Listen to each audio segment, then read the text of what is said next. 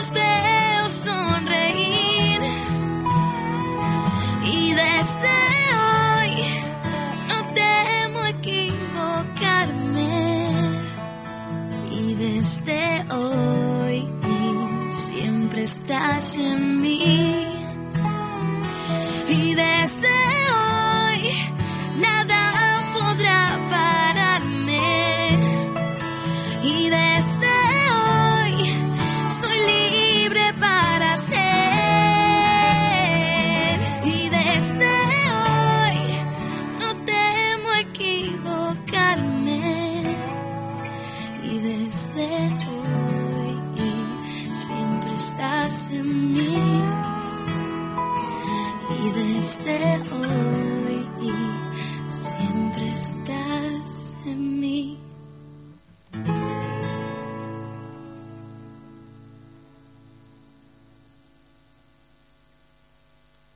Això és Ràdio Gavà.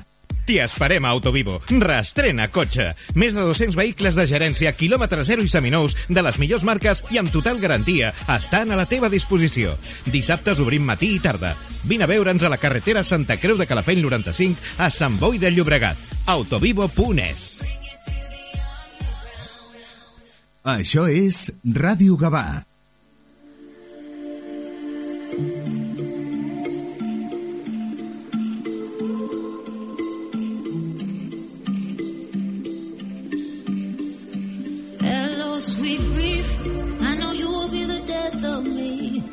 the morning after ecstasy. I am drowning in an endless sea. Hello, old friend. Here's a misery that knows no end. So I'm doing everything I can to make sure I never love again.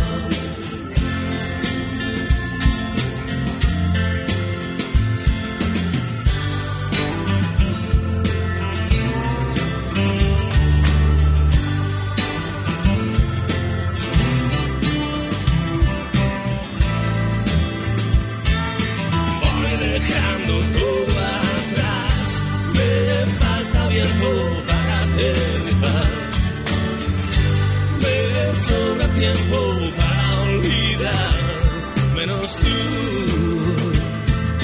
Voy dejando todo.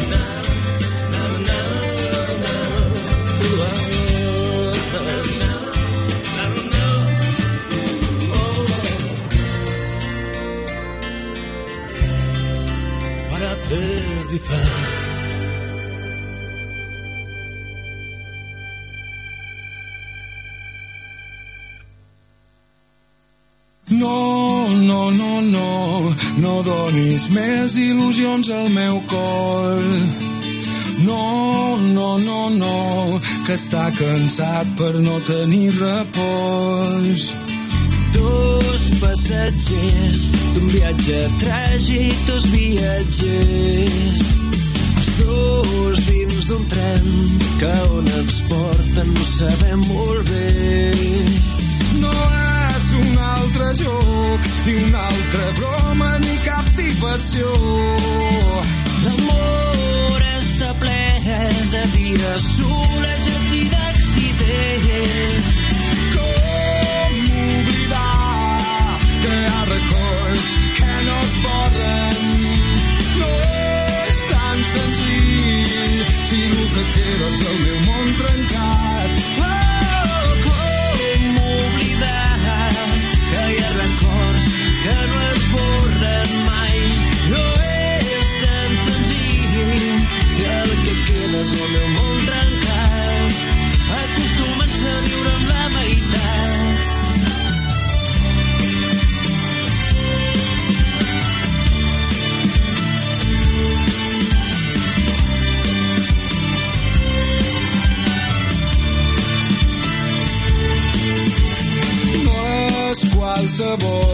La nostra història és la lluna i el sol. Junts no estirem, jo necessito algun qui confiar plenament.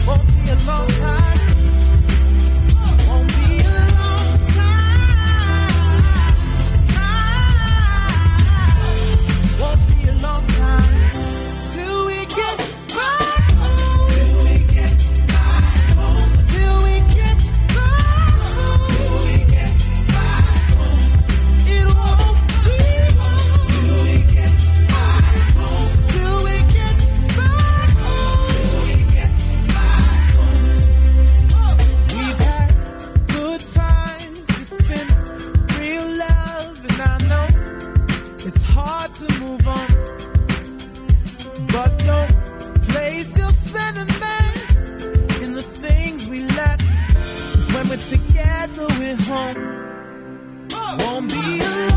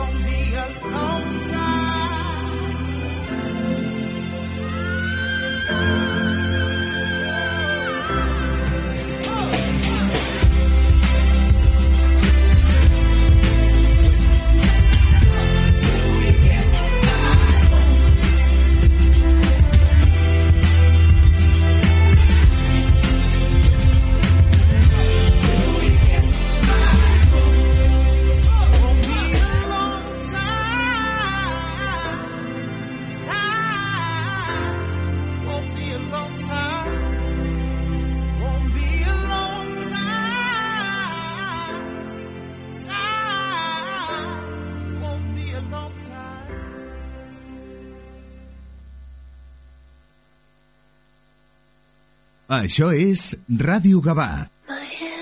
La Llar, 25 años gestionando todo tipo de inversiones inmobiliarias, con asesoramiento, tramitaciones y soluciones. En Gabá, si vendes, compras o alquilas, La Llar. Nosotros lo hacemos. Tú, como a casa. Carrer Sant Pere 73, www.finqueslallar.es.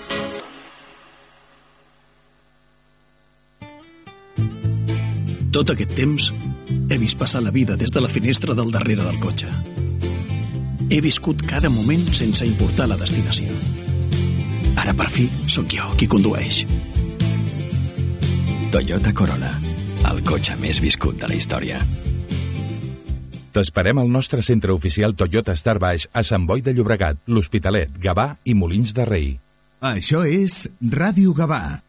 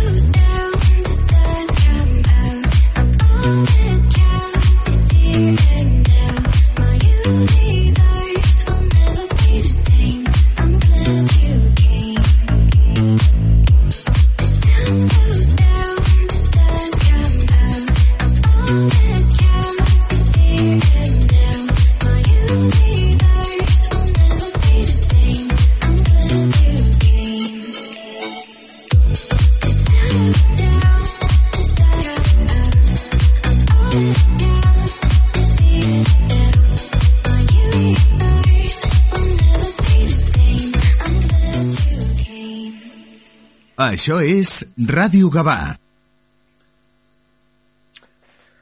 No soy periodista ni crítico de cómics, soy un simple aficionado al cómic que he leído cómics desde pequeño y es lo que más importante nos da, ¿no? El leer cómics, tebeos.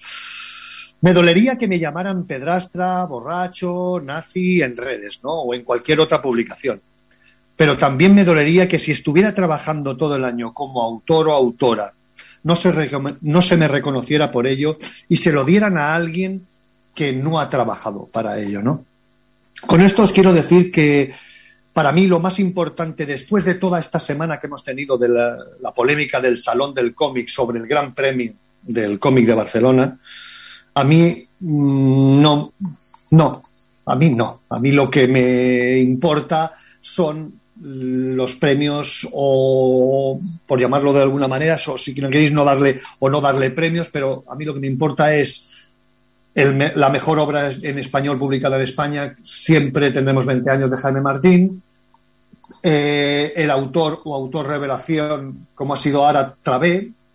La obra publicada en España eh, extranjera como ha sido Ventiladores Clay de Set Mejor cómic infantil y juvenil, Astro Ratón y Bombilla. El mejor fanzine español, US de Sara Soler. Y el premio popular a la mejor obra del 2021, como ha sido La Última Batalla. Eso es lo que realmente importa y no toda esta semana que hemos tenido de polémicas, que si uno tiene razón, que si otro tiene razón. Con esto lo aclaro, incluso, como veréis, lo dejo fuera del programa. Maite, dale al play.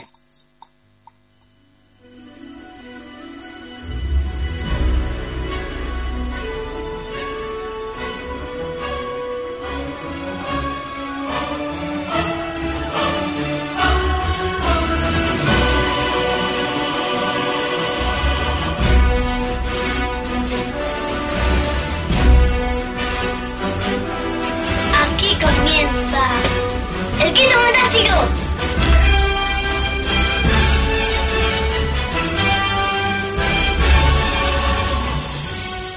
8 de la mañana y 32 minutos. Muy buenos días y bienvenidos a una nueva edición del Quinto Fantástico, episodio 13 de la séptima temporada. ¿Quién no lo iba a decir después del año de pandemia hacer 13 episodios de- del Quinto Fantástico? Desde este momento y hasta las 10 de la mañana, toda la información del mundo del cómic y de lo que lo envuelve. Desde los estudios situados en la calle Guifrel Pilos de Gabá y fiel a nuestra cita de los martes del mes, en la onda de, tu emisora local, el 91.2, o en la página web de, de Radio Gabá, emitiendo en velocidad y curvatura. Bienvenido a vuestro programa de cómics. Un saludo de quien les habla, Alberto Jiménez. ¿Queréis leer un cómic por la radio? Este es vuestro programa. Bienvenidos a Radio Gabá.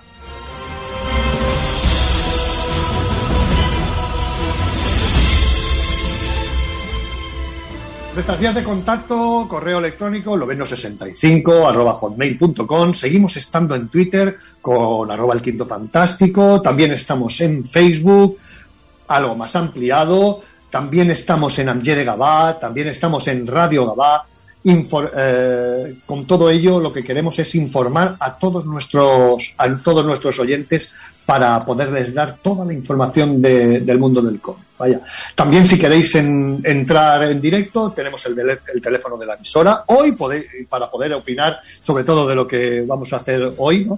es el 936620080, 936620080, ¿no? Tenemos la línea abierta. También os podéis descargar en directo para escucharlo ahora mismo el, eh, a través de la página web de Radio Gabá, en la app www.radiogabá.cat, ¿no?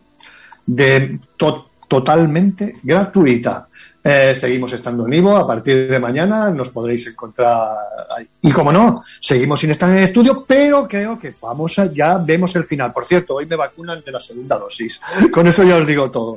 Así que yo creo que la cosa va avanzando y quizá esta temporada no, pero septiembre, octubre, cuando empecemos la octava temporada, yo creo que podremos volver al estudio y podremos hacer grandes debates y grandes tertulias allí con Milqueras, ¿no?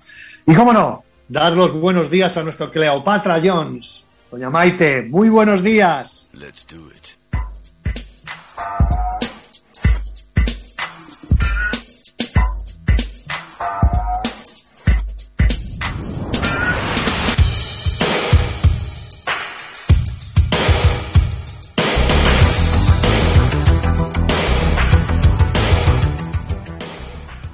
Hoy haremos el segundo programa que trabajé sobre todo durante el confinamiento. Fueron muchas horas muertas y, hubo mucho tiempo para todo, ¿no?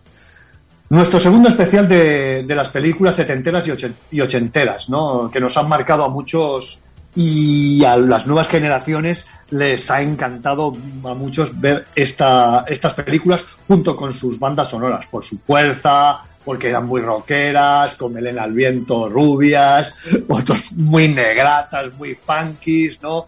Grupos de un hit wonder. En fin, y hoy tocaremos un. abarcaremos un poquito más el abanico, igual tocaremos algo musical, de acción, discotequeras. eh, ya os digo, en definitiva, eh, eh, películas inolvidables y con temas, como no, que cuando sonaban nos decíamos, esta es la película.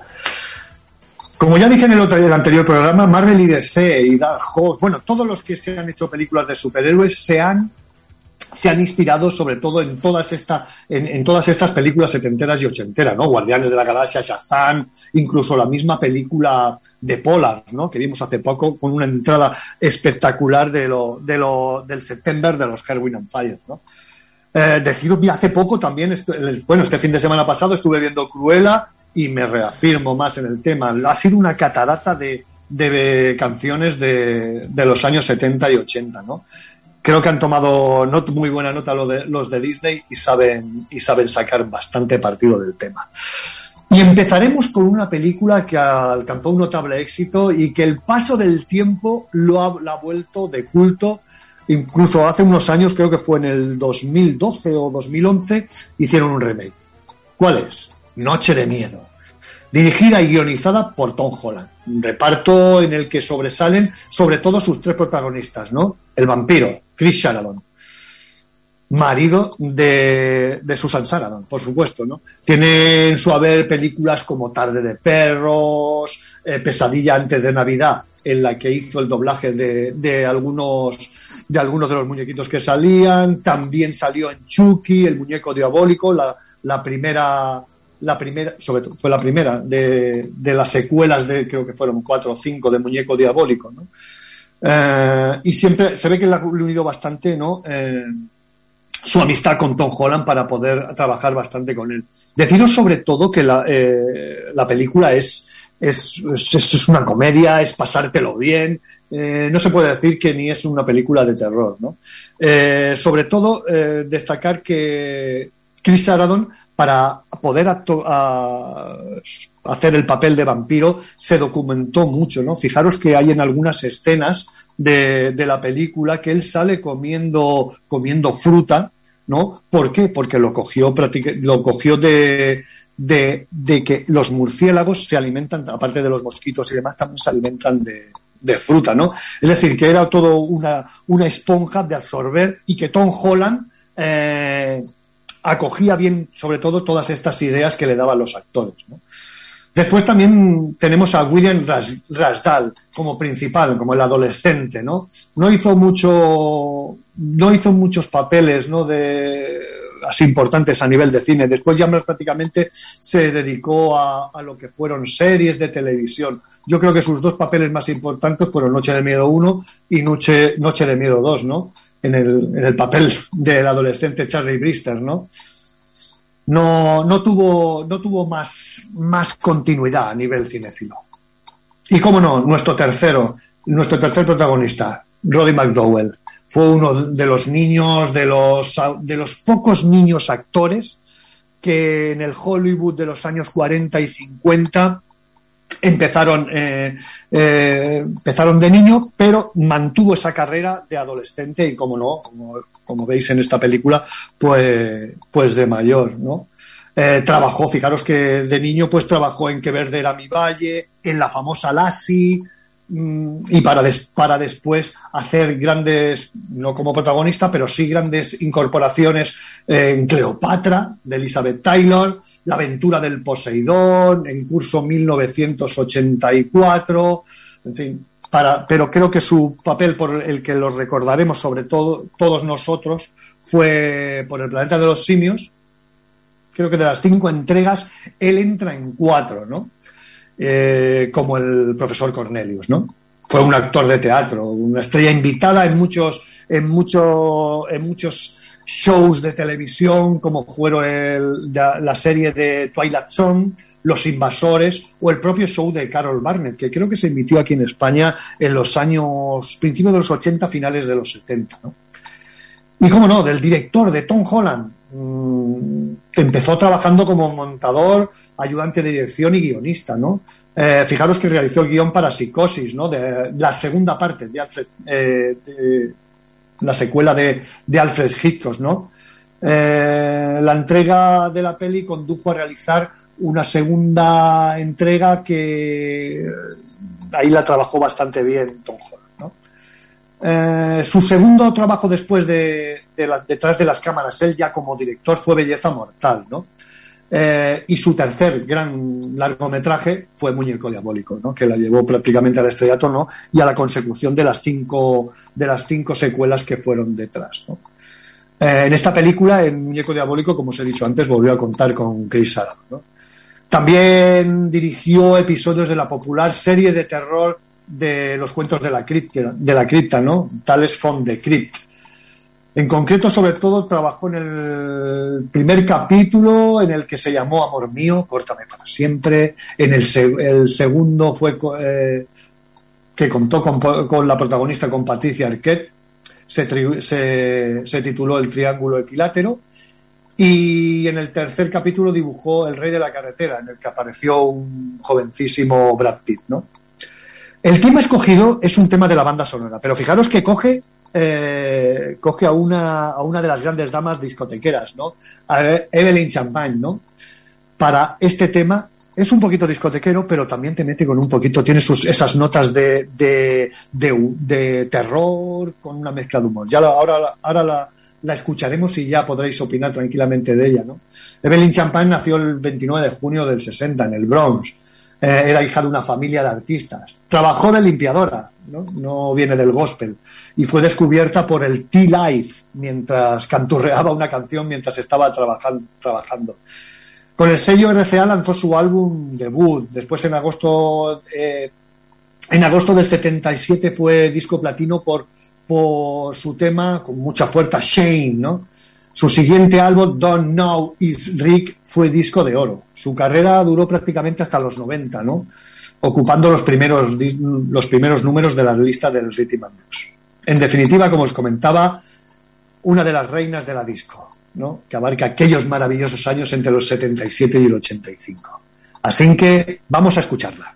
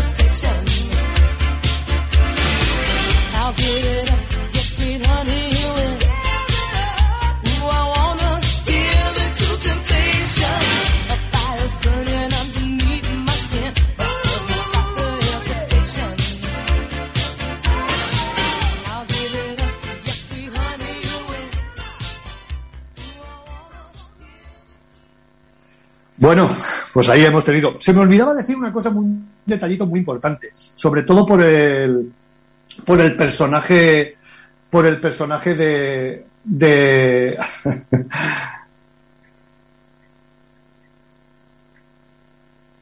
Ahora, vale.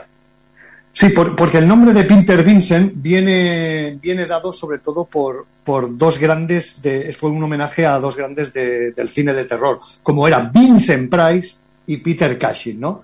Y entonces, pues, el, nombre al, televisivo, al, personaje televisivo de Noche de Miedo es Peter Pitse, ¿no? Bueno, y nos vamos con la siguiente. Eh, nos vamos ahora con la joya del Nilo, el corazón, bueno, corazón eh, tras el corazón verde y su secuela como fue la, la joya del Nilo, ¿no? Con un argumento lleno de aventura, ¿no?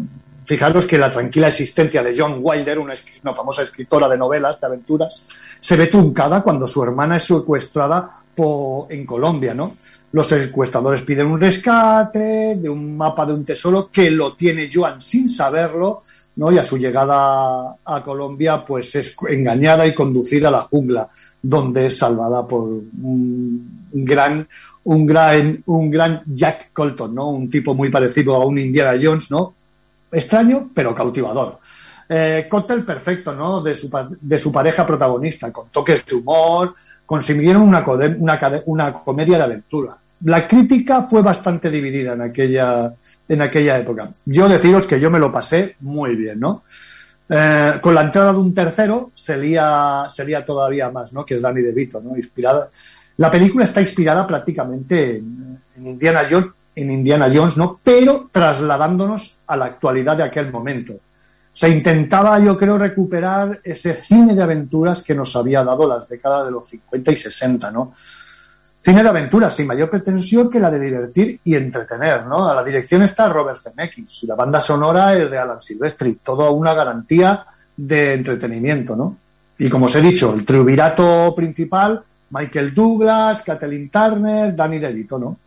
Eh, Michael Douglas ya eh, era alguien en aquel, en aquel momento, en el 84, ¿no? Con cierto peso en la industria del cine, ¿no? Había protagonizado películas exitosas y aquí se lanzaba a una doble aventura, producir y protagonizar. Esta doble faceta ya la había hecho en otra película que también nos, nos cautivó mucho, ¿no? Pero más por su intriga, ¿no? Como fue El síndrome de China. No sé si suena. El guion fue escrito por. El guion de, de Tras el Corazón Verde fue escrito por Diane Thomas, ¿no? Que según cuenta la leyenda, se lo entregó a Michael Douglas cuando estaba ahí eh, en una cafetería tomando un cafetito o almorzando lo que sea. eh, sea como fuere, Douglas compró el libreto y, puso en marcha el film, el film, ¿no? Lo triste de esta historia es que Diane no pudo disfrutar absolutamente, bueno, muy poquito de, de la nueva vida de éxito a través de este guion que, facilitó, ya que falleció en un accidente de coche en el 85, ¿no? Unas semanas después del estreno de La Joya del Nilo. Nominada al Oscar como mejor montaje, Globo de Oro, mejor película y mejor actriz, Catherine Turner, ¿no? Y mejor comedia musical, ¿no? En la secuela de La Joya del Nilo, pues nos, pone- nos encontramos una historia muy parecida, pero esta vez se traslada prácticamente a África, ¿no? En la que su eterno enemigo, Ralph, les, Ralph, le sigue todos los pasos para hacerse con ella, ¿no? Eh, lo mismo, durante se enfrentarán a, a tormentas peligrosas, tribus de nativos muy violentas, grupos extremitas, extremistas y a un malvado, Omar, que les reserva una estancia en sus mazmorras, ¿no? Eh, vida a diferentes personajes, a personajes, Douglas y Turner, junto con DeVito, trabajaron también en una tercera, no una secuela, sino que fue una una película que hicieron en- ellos tres otra vez, ¿no? Que fue La Guerra de los Rose, ¿no? En la que DeVito estuvo ahí también trabajando como director y como actor, ¿no? Y cómo no, nos encontramos con Sebastián ¿no? Más conocido como Billy Ocean es un, cantante, nació en Trinidad y Tobago, se nacionalizó británico, ¿no? Comenzó a hacerse famoso a partir de los 70, ¿no? Títulos impresionantes como Caribbean Queen, Lover Boy, en fin, todo un auténtico lujo escuchar y, cómo no, escucharlo y bailarlo en las pistas. Maite, vamos a por ello.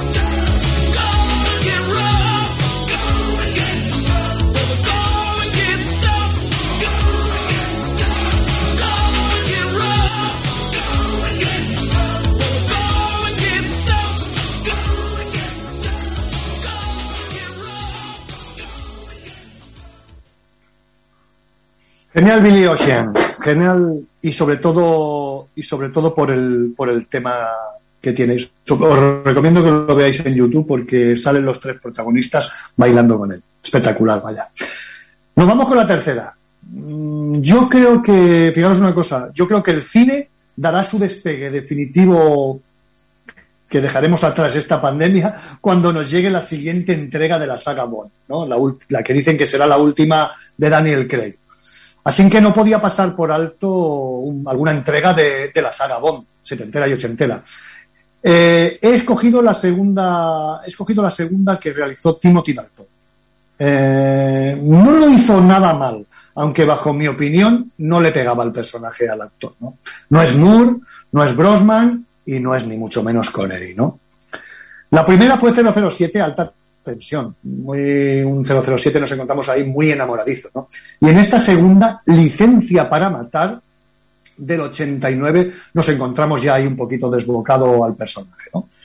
Decimosexta entrega del correspondiente a la saga, a la saga Bond, ¿no? Dirigida por John Glenn y producida, como no, por Albert Broccoli, ¿no?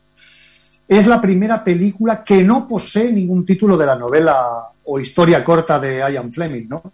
Aunque parte de su trama está basada en los cuentos cortos, en el cuento corto El extraño Hillebrand, ¿no?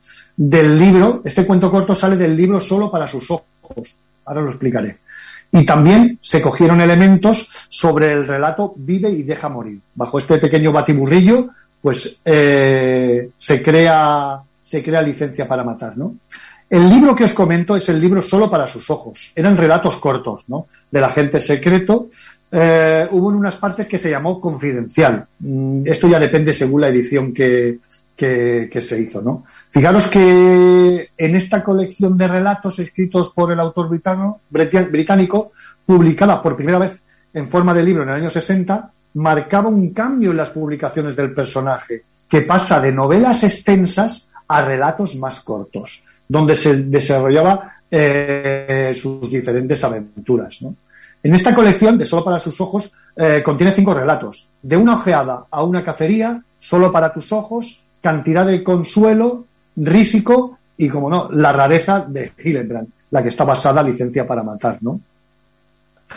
Eh, fija- más o menos mm, en lo que la hipnosis de es la rareza la, la rareza de Hildebrand es un viaje de placer a bordo de un yate de un millonario Milton Cress Bond observa sucesivos maltratos de eres un viejo borracho no Eh, inflige a su bella esposa más joven que él y a su criado les inflige unos castigos los humilla no Eh, porque él está obsesionado en coger un ejemplar marino de que es muy raro es eh, que se llama Hildenbrand, ¿no?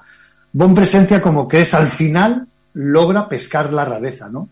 Y mientras está pescando, pues golpea a su mujer, se emborracha para celebrar y se emborracha para celebrarlo por la noche, Durante la noche se escuchan ruidos de forcejeo y al día siguiente se descubre que Cres aparece boca abajo o que cayó, cayó al mar, se ahogó, no se sabe muy bien. Sin embargo, cuando rescatan el cuerpo, se encuentran en el cuerpo del millonario, se encuentran en su boca el Hildelbrand, ¿no? Una mirada de reojo entre la esposa, la esposa el criado, Bond descubre eh, que hay algo de complicidad en esos a- asesinatos, ¿no?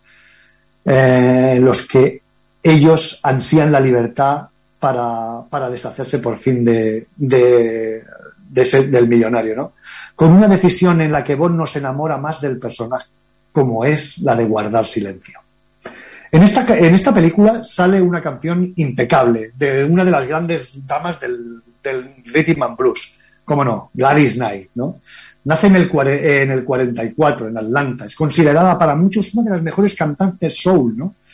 Durante, sus primeras décadas formó parte con, eh, se la conocía como Gladys Knight and the Pigs, junto con sus hermanos Merelal y sus dos primos, ¿no? Hicieron top 10 en el 61, con Every Beat on My- Heart, eh, en fin. eh, sus primeras compañías fueron Fury y Max, ¿no? Donde lanzaron varios singles, pero su influencia por, el, por su tradición gospel y artista al soul les llevaron a una gran cantidad de infinidad de éxitos en su carrera. En el 73 fichan por la, por la Motown, ¿no? Poco después, estuvieron un tiempo ahí en la Motown, pero poco después abandonan la discografía para firmar por una, un nuevo sello en el que se consola- consolidan lanzando tres de sus más eh, famosos hits, ¿no? Uno de ellos, como no, no podía ser otro que el Midnight Train to Georgia, ¿no? Después de esta época, Gladys se fue separando cada vez más del grupo y moviéndose en el It's Listen, ¿no? Que significa, este término significa música más popular, ¿no? Eh, melodías más simples, pegadizas, estribillos fáciles, en fin. A mediados de los 90 alcanzó uno de sus mayores éxitos con por la notoriedad con quien cantaba, ¿no? Fue un dueto con Fran, con Fran Sinatra, ¿no? Y llega el 89 que interpretaría el tema principal de la película de Bond 007, ¿no? La licencia para matar. Una pieza que históricamente ha sido señalada siempre como una mala copia de, de Goldfinger, de la, la de Shirley Bassey, Goldfinger, esa voz y tal, eh, yo para mí las veo, las veo bastante diferentes, ¿no? Para mí no son ninguna copia. Además, Gladys le da ese toque de fuerza, ese toque de pasión que su voz y los coros impecables le acompañan en todo momento, ¿no? A los estribillos, incluso hay unos, unos cambios ahí geniales de los estribillos, vaya. Así que, qué mejor manera que la escuchéis y la disfrutéis.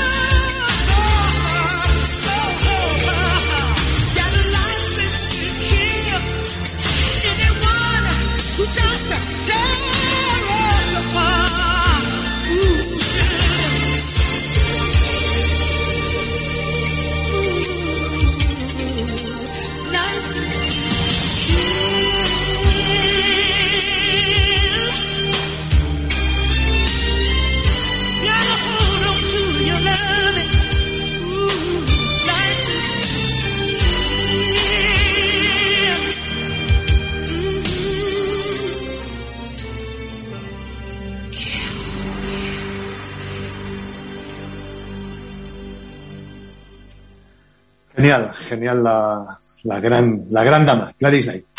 Bueno, y nos vamos con la cuarta entrega. Eh, y nosotros que con uno de los grandes de nuestra música, ¿no? Que ejerció como protagonista y como no, como eh, con sus canciones en la banda sonora. Y nosotros que Phil Collins, ¿no? Eh, y la película Busters, ¿no? Mm, En el 88, bajo la dirección de David Grip y con un reparto bastante muy, muy inglés, ¿no? Como Julie Walters, la conoceremos como en Mamma Mía, en Harry Potter, y Larry Lamb, conocido por la serie interpretado Archie Mitchell en la serie EastEnders, ¿no? Basada en la vida, eh, la hipnosis está basada en la vida del ladrón londinense Ronald Christopher Edwards, alias Buster, uno de los ladrones que participó en el famoso robo al tren de Glasgow, ¿no? La trama nos traslada a Acapulco, ¿no? Con el botín conseguido, poco tiempo después se plantea volver a Londres para estar con su esposa. Con su esposa. Simpática comedia policíaca que tiene al músico Phil Collins como un protagonista absoluto, ¿no? Eh, Collins tiene una dilatada experiencia en la composición de bandas sonoras, así lo demuestra su Oscar que obtuvo en Tarzán con Disney. Eh, en este caso eh, también estuvo nominado al Oscar por la canción Two Hearts, ¿no? la, que, escucharemos, Dos Corazones. Aunque la mayor parte del trabajo recae en la interpretación, eh, ya que este es, uno de sus trabajos más destacados como protagonista. ¿no? Lo acompaña la también británica Julie Walters, Mosley Weasley en todas las sagas de, de Harry Potter. ¿no? Eh, aunque la historia se sitúa en Gran Bretaña de los años 60, se ve intentaron poner algunas canciones de, los Beatles, ¿no? Por el transcurso del tiempo, pero se ve que hubo problemas legales y no, no les dejaron. No sé, el motivo no viene reflejado en ningún sitio y no se sabe por qué. El relato, como os he dicho, se basa en el gran robo del tren de Glasgow en el 63, en el que participó el propio Buster Edwards, ¿no? delito por el cual fue condenado a 15 años de prisión.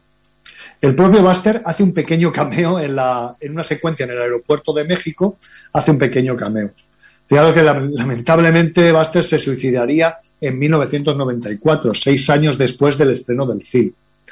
La canción que escucharemos, Two Heart, Dos Corazones, fue nominada al Oscar como Mejor Canción Original. En los Globos de Oro tuvo Mejor Canción Original, eh, interpretada por Phil Collins, por supuesto. Eh, yo no sé, hablar de Phil Collins es hablar de un genio de la música, ¿no?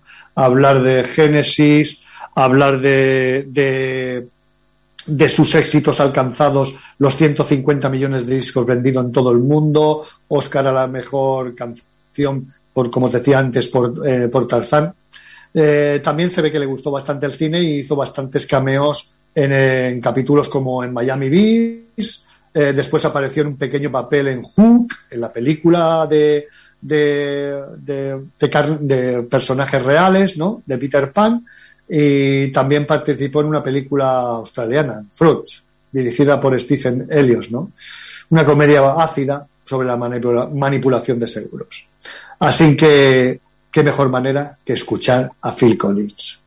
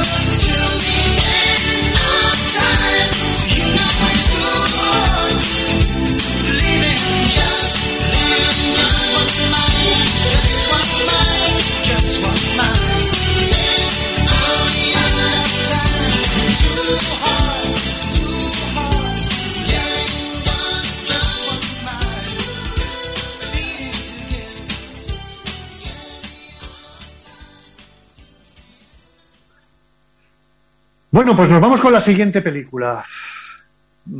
Esta sí que me va a costar, porque es una película de las que está en mi top. Simplemente decir el nombre, Platoon, eh, algo tan sencillo. Platoon, la traducción es pelotón. Sin embargo, fijaros en qué, en qué reparto no- nos encontramos. William Dafoe, Tom Berenger, Charlie Sheen, Johnny Depp, Kevin Dillon, Forrest Whitaker, John McGinley, Lorenzo Quinn y Kevin David. Y todo ello orquestado por el gran Oliver Stone. Película, película que representa la guerra a través de los ojos de, de un- del recluta, Chris Taylor, interpretado por, por Charlie Sheen. Parece que, que esto se cierra con el círculo que comenzó a trazar su padre en Apocalipsis Now, ¿no? Y fijaros que años más tarde Charlie Sheen hace otra película, otra gran película de la guerra del Vietnam, ¿no? Su primer destino será bajo el pelotón de la frontera de Camboya, bajo el mando de los oficiales que no se pueden ni ver, antagónicos, se odian, el sargento Barnes y el, y el sargento idealista, eh, sargento Elías, ¿no? Me quedaré siempre con la escena de la muerte de Elías. En dicha secuencia debían de explotar una serie de bolsas de sangre en el pecho, ¿no? Y William Dafoe estaba allí, pero se ve que fallaron todas, ¿no? Sin embargo, Stone quedó tan impresionado de la interpretación de Dafoe que no decidió, aunque fallaron la- las, las bolsas de sangre, decidió no repetir la, toma, ¿no? El primero provoca una. eh, El sargento, eh, que interpretado por Tom Berenger, provoca una masacre en un poblado en el que Chris descubrirá la, la crueldad de la guerra y, sobre, y de la guerra y de muchos compañeros, ¿no? Primera de un, primera, esta es la primera parte de una trilogía de Oliver Stone sobre la guerra del Vietnam, que completó con Nacido el 4 de julio y El cielo y la tierra. El director que combatió en Vietnam quiso, abrirse, quiso abrir un paréntesis del heroísmo de las típicas películas de guerra que, reflej- que reflejaban el, rea- el punto realismo del soldado y sobre todo él se basó en muchas experiencias vividas allí, como por ejemplo cuando Tyler, Taylor dispara a un vietnamita para que baile o cuando evita una violación de una niña vietnamita por parte de soldados y, cuando, y sobre todo otra escena también que cuando se queda paralizado al ver por primera vez el enemigo en la, un- una, una patrulla nocturna. Platón podrá gustar más o menos, que es harto difícil, es, lo que es harto difícil es que te deje indiferente. A título personal es una de mis cintas favoritas, como os he dicho antes, en la que destaco las interpretaciones de Berenguer y Dafoe, ¿no? Para mí están sublimes, ¿no? Porque odias a Berenguer y amas a Dafoe, ¿no? Plantón ganó cuatro premios Oscar. Mm, Película, director, sonido y montaje. Y en los Globos de Oro obtuvo el mejor drama, ¿no? Supuso el espaldarazo definitivo no solo a su director, sino también a muchos de sus actores, como fueron Charlie Sheen, Foley Whitaker y como no de Johnny Depp, ¿no? El film constituyó toda una sorpresa, tanto de éxito de taquilla como de la crítica. Bajos presupuesto, rodada en Filipinas en un tiempo récord, en 54 días. Destacar otra figura mm, que tiene un pequeño papel en la película, que fue el actor Daily Day, quien interpreta al capitán Harris, que aparte de, ser actor, desempeñó, como asesor militar en la película y sometió a los actores principales a un simulacro en el campo de entrenamiento antes de, que comenzara la filmación. Más tarde escribió una novela sobre el propio Platón. ¿no? Es el fundador y director de una especie de industria ¿no? o de compañía que se llama Warriors Inns, una compañía que se dedica a la asesoría técnica especializada en retratar acciones militares, acciones militares que se realizan en las películas. La banda sonora nos encontramos canciones muy variadas, eh, los sentimientos de, tristeza, de tristeza y, de- y desolación que evoca el Adagio String, cuando Forrest String, cuando la muerte de, Dafoe, ¿no? del sargento Elías, ¿no? pasando por el Respect de Aretha Franklin o por el sentado en el muelle de la ba- bahía de Otis Redding. ¿no? Pero me quedo con un tema que a mí mm, es de los que me encanta y es un cante y el cantante es que me encanta, eso es Smokey Robinson, ¿no? Y el tema es historias de lágrimas, ¿no? Digamos que Smokey Robinson es uno de los grandes, ¿no? Del sello Motown, ¿no? Mm, Quien influye mucho en su carrera es Berry Gordy. Entre ellos dos montan un poco el sello Motown. Bueno, un poco no, bastante, ¿no? Eh, diplomado en el 57, Robinson pensaba inscribirse en la universidad para licenciarse en ingeniería, pero la música cambió los planes de su vida, ¿no? Hay un momento crítico que es que cuando se entera de que el famoso manager Jackie Wilson, otro grande, había organizado una audición en busca de nuevos talentos. El grupo intentó buscar un hueco en esa audición, ¿no? Jackie Wilson eh, se ve que no contó con ellos absolutamente para nada. Bueno, tampoco se ve que la audición salió muy, muy bien. Pero ¿quién estaba allí? Allí estaba Berry Gordy, quien desde quien que buscaba músicos para, para confiarles sus canciones. Ese fue el inicio de una larga colaboración entre ellos dos y la consiguiente fundación de la Motown, ¿no? La, la decisión de Sonny Rogers, uno de los uno de los miembros del grupo en abandonar la formación para entrar en el ejército complicó un poco las cosas, pero fue sustituido por su hermana, Claudette, que años después eh, fue la mujer de Smokey Robinson. ¿no? Como productor, Smokey Robinson jugó un papel importante de éxito en Mary West, Diane Ross, And the Supreme, Los Temptation y también trabajó en producciones de Marvin Gaye y Marvelettes. Es decir, uno de los grandes, quizá no muy conocido en nuestro país, pero es uno de los grandes y me he decantado por su canción.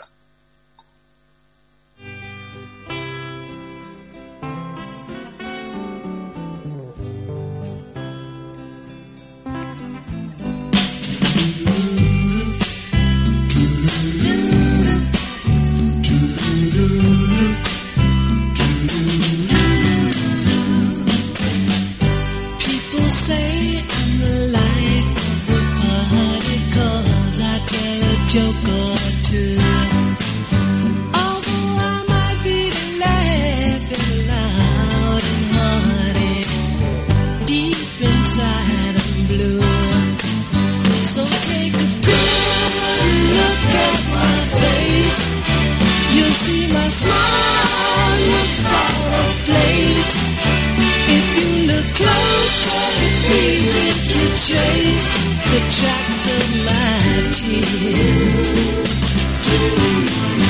I need you, need you. Since you left me, if you see me with another girl, seeming like I'm having fun. Although she may be cute, she's just a substitute because you're the permanent one.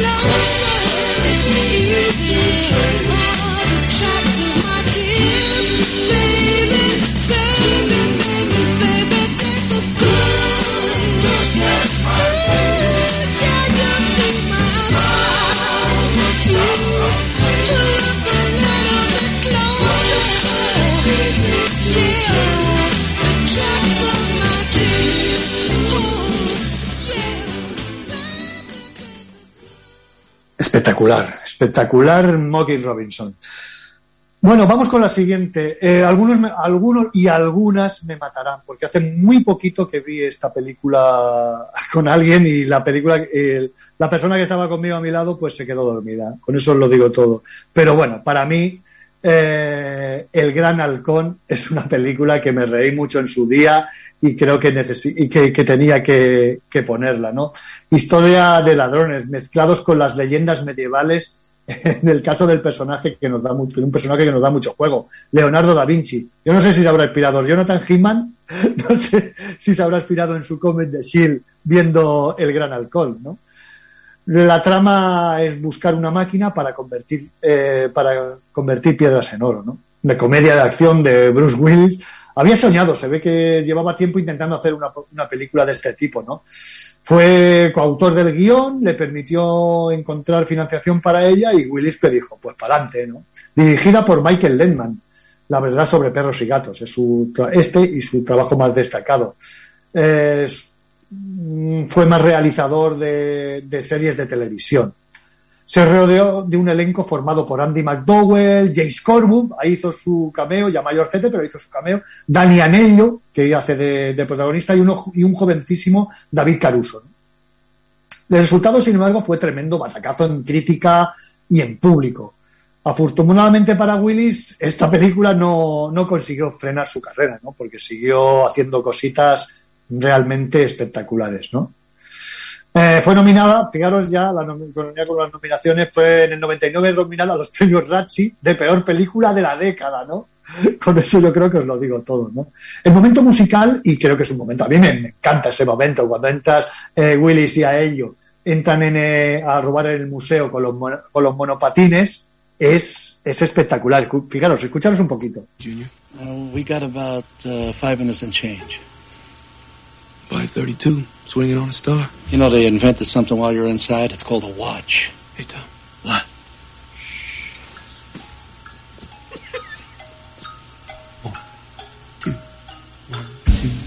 Would you like to swing on a star? Carry moonbeams home in a jar. And be better off than you are. Or won't you rather be a Es espectacular.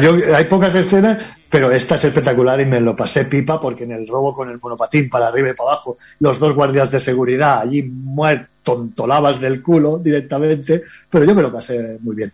Sin embargo, mm, he conseguido una, la versión original de Swing of Star, ¿no? He vis- eh, había una de Big, Bill, eh, Bing Crosby y otra que me ha encantado. Bueno, yo la tenía escuchada, ¿no? La de Frank Sinatra, que es espectacular por su fuerza que tiene. Vaya, vamos a escucharla.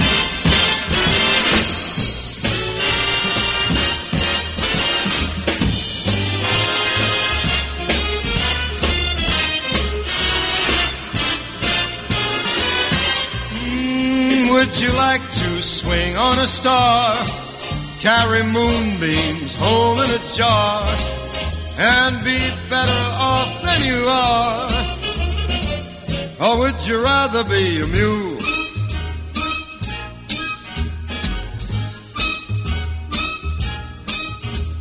A mule is an animal with long funny ears. He kicks up at anything he hears. His back is brawny and his brain is weak. Just plain stupid with a stubborn streak. And by the way, if you hate to go to school, you may grow up to be a mule. How would you like to swing on a star? Carry moonbeams home in a jar and be better off than you are? Or would you rather be a pig? Hey,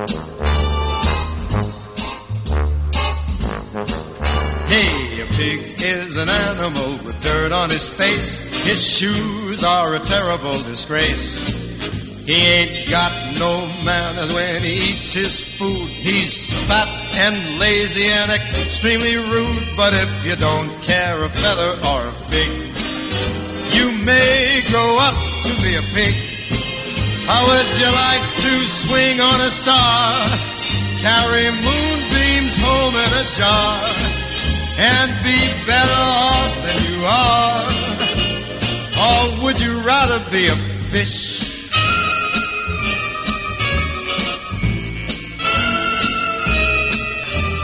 A fish won't do anything but swim in a brook. He can't write his name or read a book. And to fool the people is his only thought. Though he's slippery, still gets caught. But then if that sort of life is what you wish, you may grow up to be a fish. And all the monkeys on in the zoo, every day you meet quite a few. So you see, it's all up to you. You can be better than you are.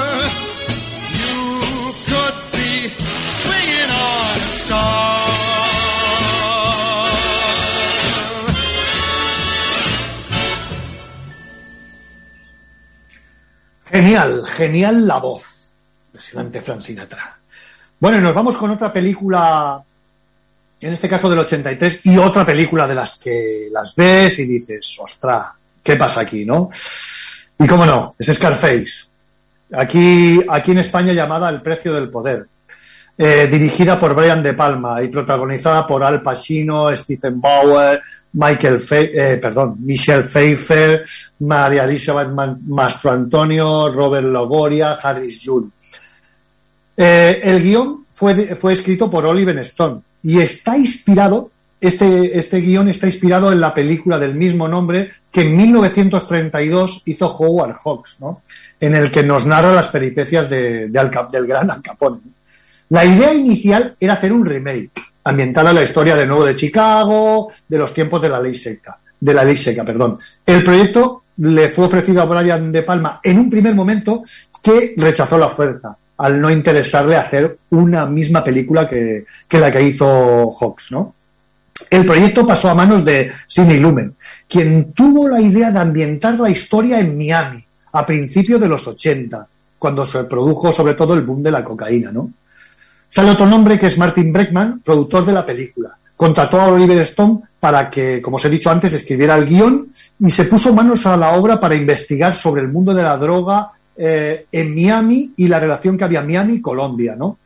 Cuando Stone terminó el guion se lo mostró a Lumen, quien no le gustó, pero a quien sí convenció fue a, a Pacino y a Breckman, ¿no? Como consecuencia, Lumen dejó el proyecto, que le fue ofrecido de nuevo a Brian De Palma, que en esta ocasión sí que lo, sí que lo aceptó. Eh, hay muchas anécdotas en este rodaje, ¿no? Como en su investigación por Oliver Stone, cuando investiga para coger sobre todo información para el guion eh, en el mundo de las drogas, llegó a poner en, su poner su vida en peligro, ¿no? Dado que los traficantes con los que trataba sospechaban de la manera que tenía que se de preguntar, no, Dice, este tío, este tío es de, estupefacientes, ¿no? Por todas las preguntas que le hacía sobre el negocio, ¿no?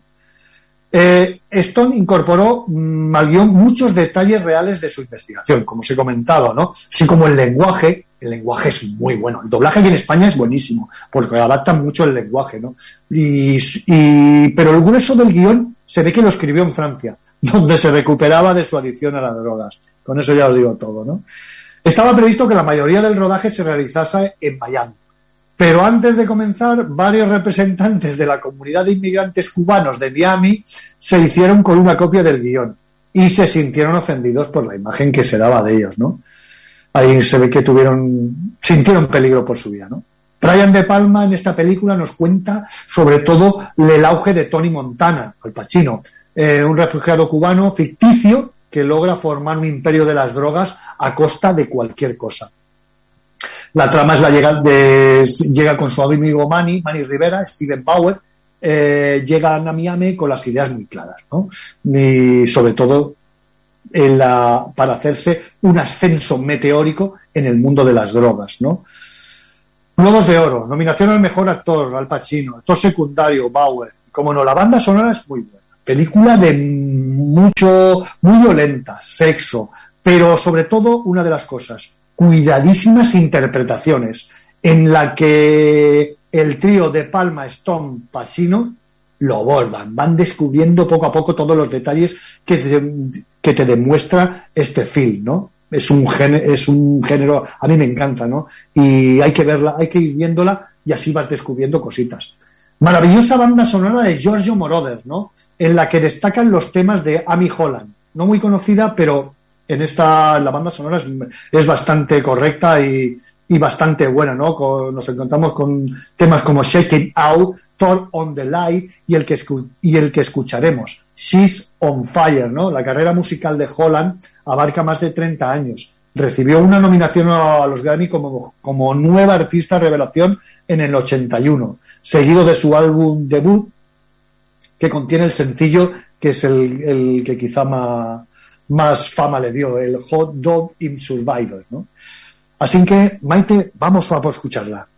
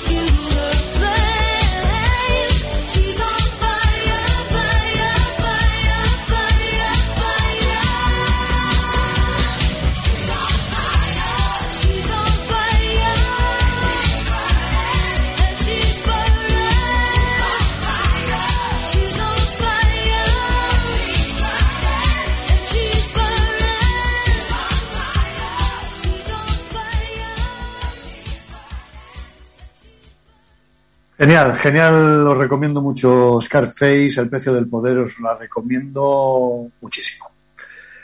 Otra de las que no estará eh, siempre en mi memoria fue ya por aquel lejano finales de los, de los 70, 78, 77, en el cine Maragall, aquí en Gabá, descubrí esta, esta maravilla, esta maravilla que era El Cazador.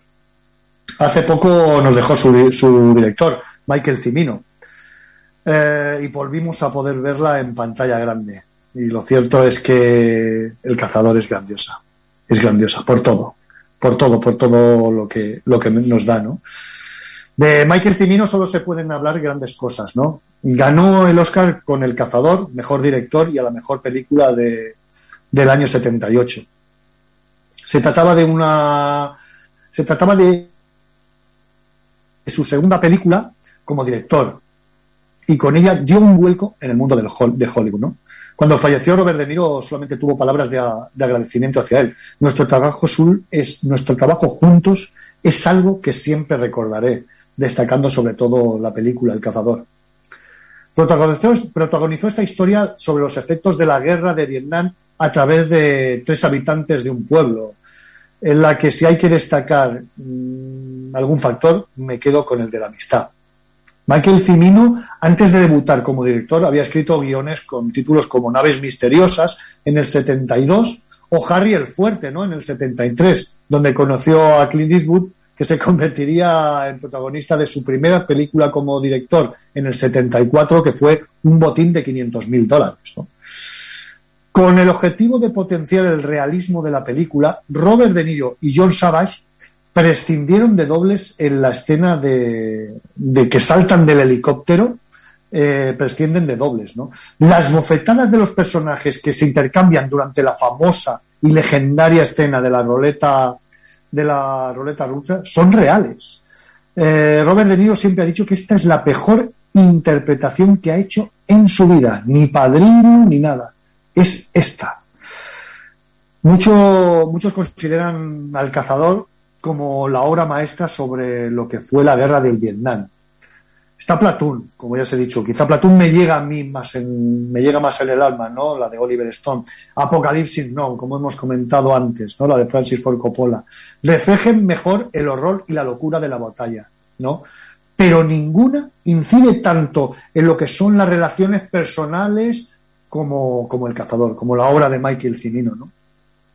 Y es que El Cazador es una película sobre la amistad, sobre la amistad con una guerra en medio. De hecho, a muchos le desespera, a mucha gente que va a verla por primera vez le desespera que una hora en el inicio pues se pasen prácticamente de una celebración de boda, la relación allí en el, en el pueblo. Pero yo creo que bajo mi opinión personal es esencial ya que te descubre todas las intrigas personales de los protas y no pasarnos directamente a disparos, napal y venga, no. Creo que lo acepta a la perfección eh, Michael Cimino, ¿no? Un elenco de actores extraordinarios. Eh, Robert De Niro, Christopher Walken, John Cazale, Meryl Streep, John Savage. Lo más, lo más doloroso que nos refleja esta película era que era el volver a casa. Mm, A ver, yo sé que es muy difícil compararla con John Rambo, ¿no? Pero bueno, tiene sus, tiene sus comparaciones, ¿no? Como nos explica muy bien. Nos habla del regreso, el de regreso con vida. No simplemente era el de regresar a la vida, ¿no?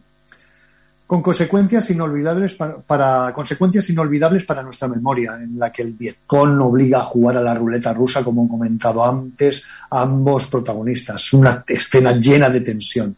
O como la escena que están en el bar, con una castaña del 15 jugando al billar y se ponen a cantar la canción de Frankie Valle y los Four Seasons, Can't Take My Eyes Off You, ¿no?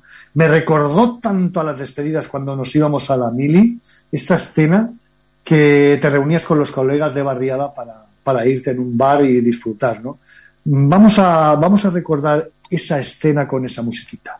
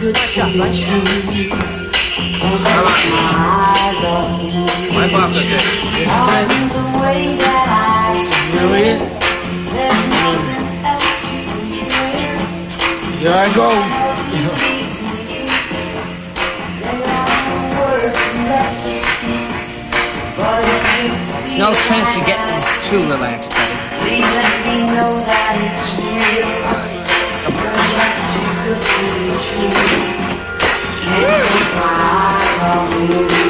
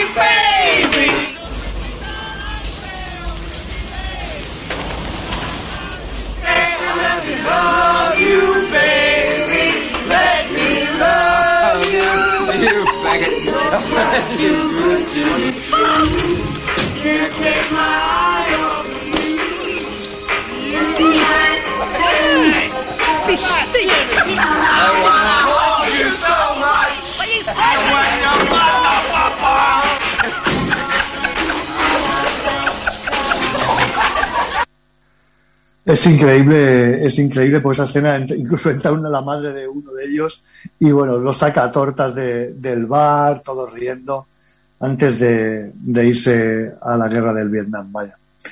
Eh, temazo interpretado por los Frankie Valle y los Four Seasons, ¿no? Grupo sesentero, mítico, lleno de... está plagado de, de leyendas, ¿no? Yo os recomiendo que veáis Jersey Boys, la película que hace unos años, creo que en el 2014, 2015, realizó Clint Eastwood sobre este grupo porque tiene muchísima, muchísima leyenda, ¿no? El vocalista del grupo de Frankie Valle eh, fue operado en una lesión de oídos, lo cual le originó una sordera, por la cual muchas de las canciones, cuando iban a cantar, tenía que seguir los movimientos de los labios de sus compañeros, ¿no? Four Seasons es uno de los grupos más destacados de la década de los 60, que también tuvo sus excursiones, como no, en la música disco de los 70, ¿no? También hizo algunos temitas ahí. Frankie Valle, Bo Gaudino, Nick Massey, eh, Tommy DeVito, cuatro chicos de barrio, de barrio de New Jersey, ¿no? Que se juntaron y formaron una de las bandas más legendarias de los años 60 eh, autores de temas súper conocidos. Sherry, Big Girl Don't Cry, White Light at the Man, Drunk Doll, Big Big Big Big Bass. Bueno, estos jóvenes consiguieron triunfar con su música, pero lo que nunca dejaron es de pertenecer al lugar de donde venían. Las raíces de los chicos, los lazos creados entre ellos, los vínculos con ese barrio son una parte esencial que nos refleja sobre todo Eastwood en, en su película, ¿no? Tanto como no, no nos podemos olvidar de la música, de la música que crearon, ¿no? Funky Valle era, era la voz de los Four Seasons, ¿no? Tommy DeVito era la ambición. Nick Massey era el oído de la banda. Una formación que ganó bastante cuando apareció Bob Gaudino, porque era el joven procedente de una clase un poquito más alta, y pero ¿qué pasa? Que era un compositor de talento para la creación y sobre todo una un gran un gran negociante, ¿no? Era un, un genio para los negocios, ¿no? Cambió el sonido del grupo y, cómo no, cambió la vida de sus componentes, ¿no? Le dio un toque de calidad tremendo, ¿no? Eh, John Joy Joy, que imita, perdón, John Joy John, que imita perfectamente la voz del falsete del cantante del grupo de Funky Valle, en la película ganó un premio Tony, ¿no? Por este trabajo. Fijaros en unas de las declaraciones suyas, ¿no? Las canciones son parte de la riqueza de aquella época, pero todavía te puedes sentir identificado con las letras hoy en día. Las melodías son muy pegatizas, aunque creo que lo más fascinante son los misterios, como he dicho antes, que rodean al ascenso y la fama del grupo, ¿no? Eh, lo dice el propio actor y cantante, ¿no? Eh, yo recomiendo, permitidme que insista sobre todo en la película otra vez, porque es que te desvela, había algunos rolletes allí con la mafia, bueno, no, no desvelo nada porque la podéis rescatar muy bien en alguna plataforma o incluso en DVD. Y al fin y al cabo, historia de unos chicos rudos e irrespetuosos que tenían un sueño y llevaron la energía de las calles de New Jersey al estudio de grabación. Por eso se convirtieron en un fenómeno, porque eran excelencia del prototipo de personas que pasan de ser mendigos a, millona- a millonarios.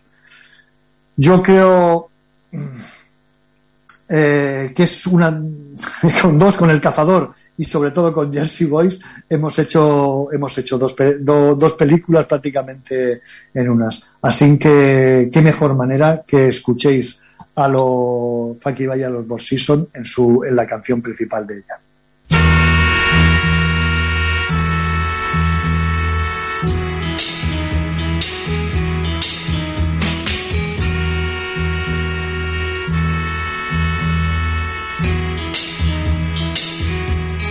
You're just too good to be true.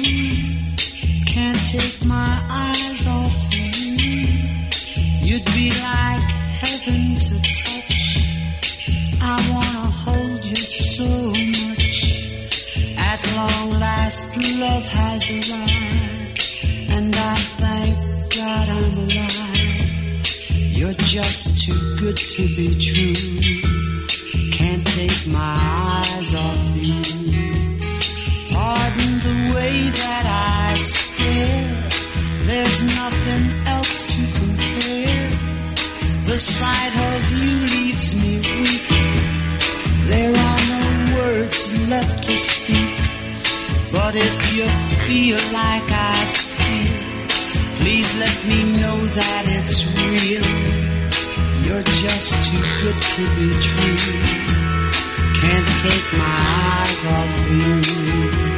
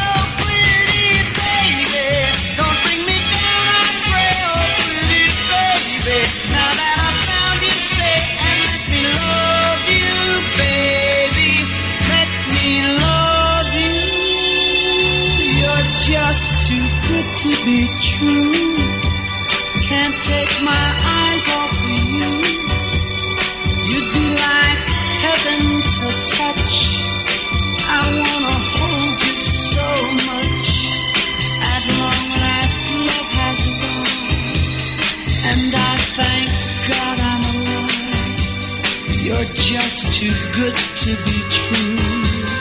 Can't take my eyes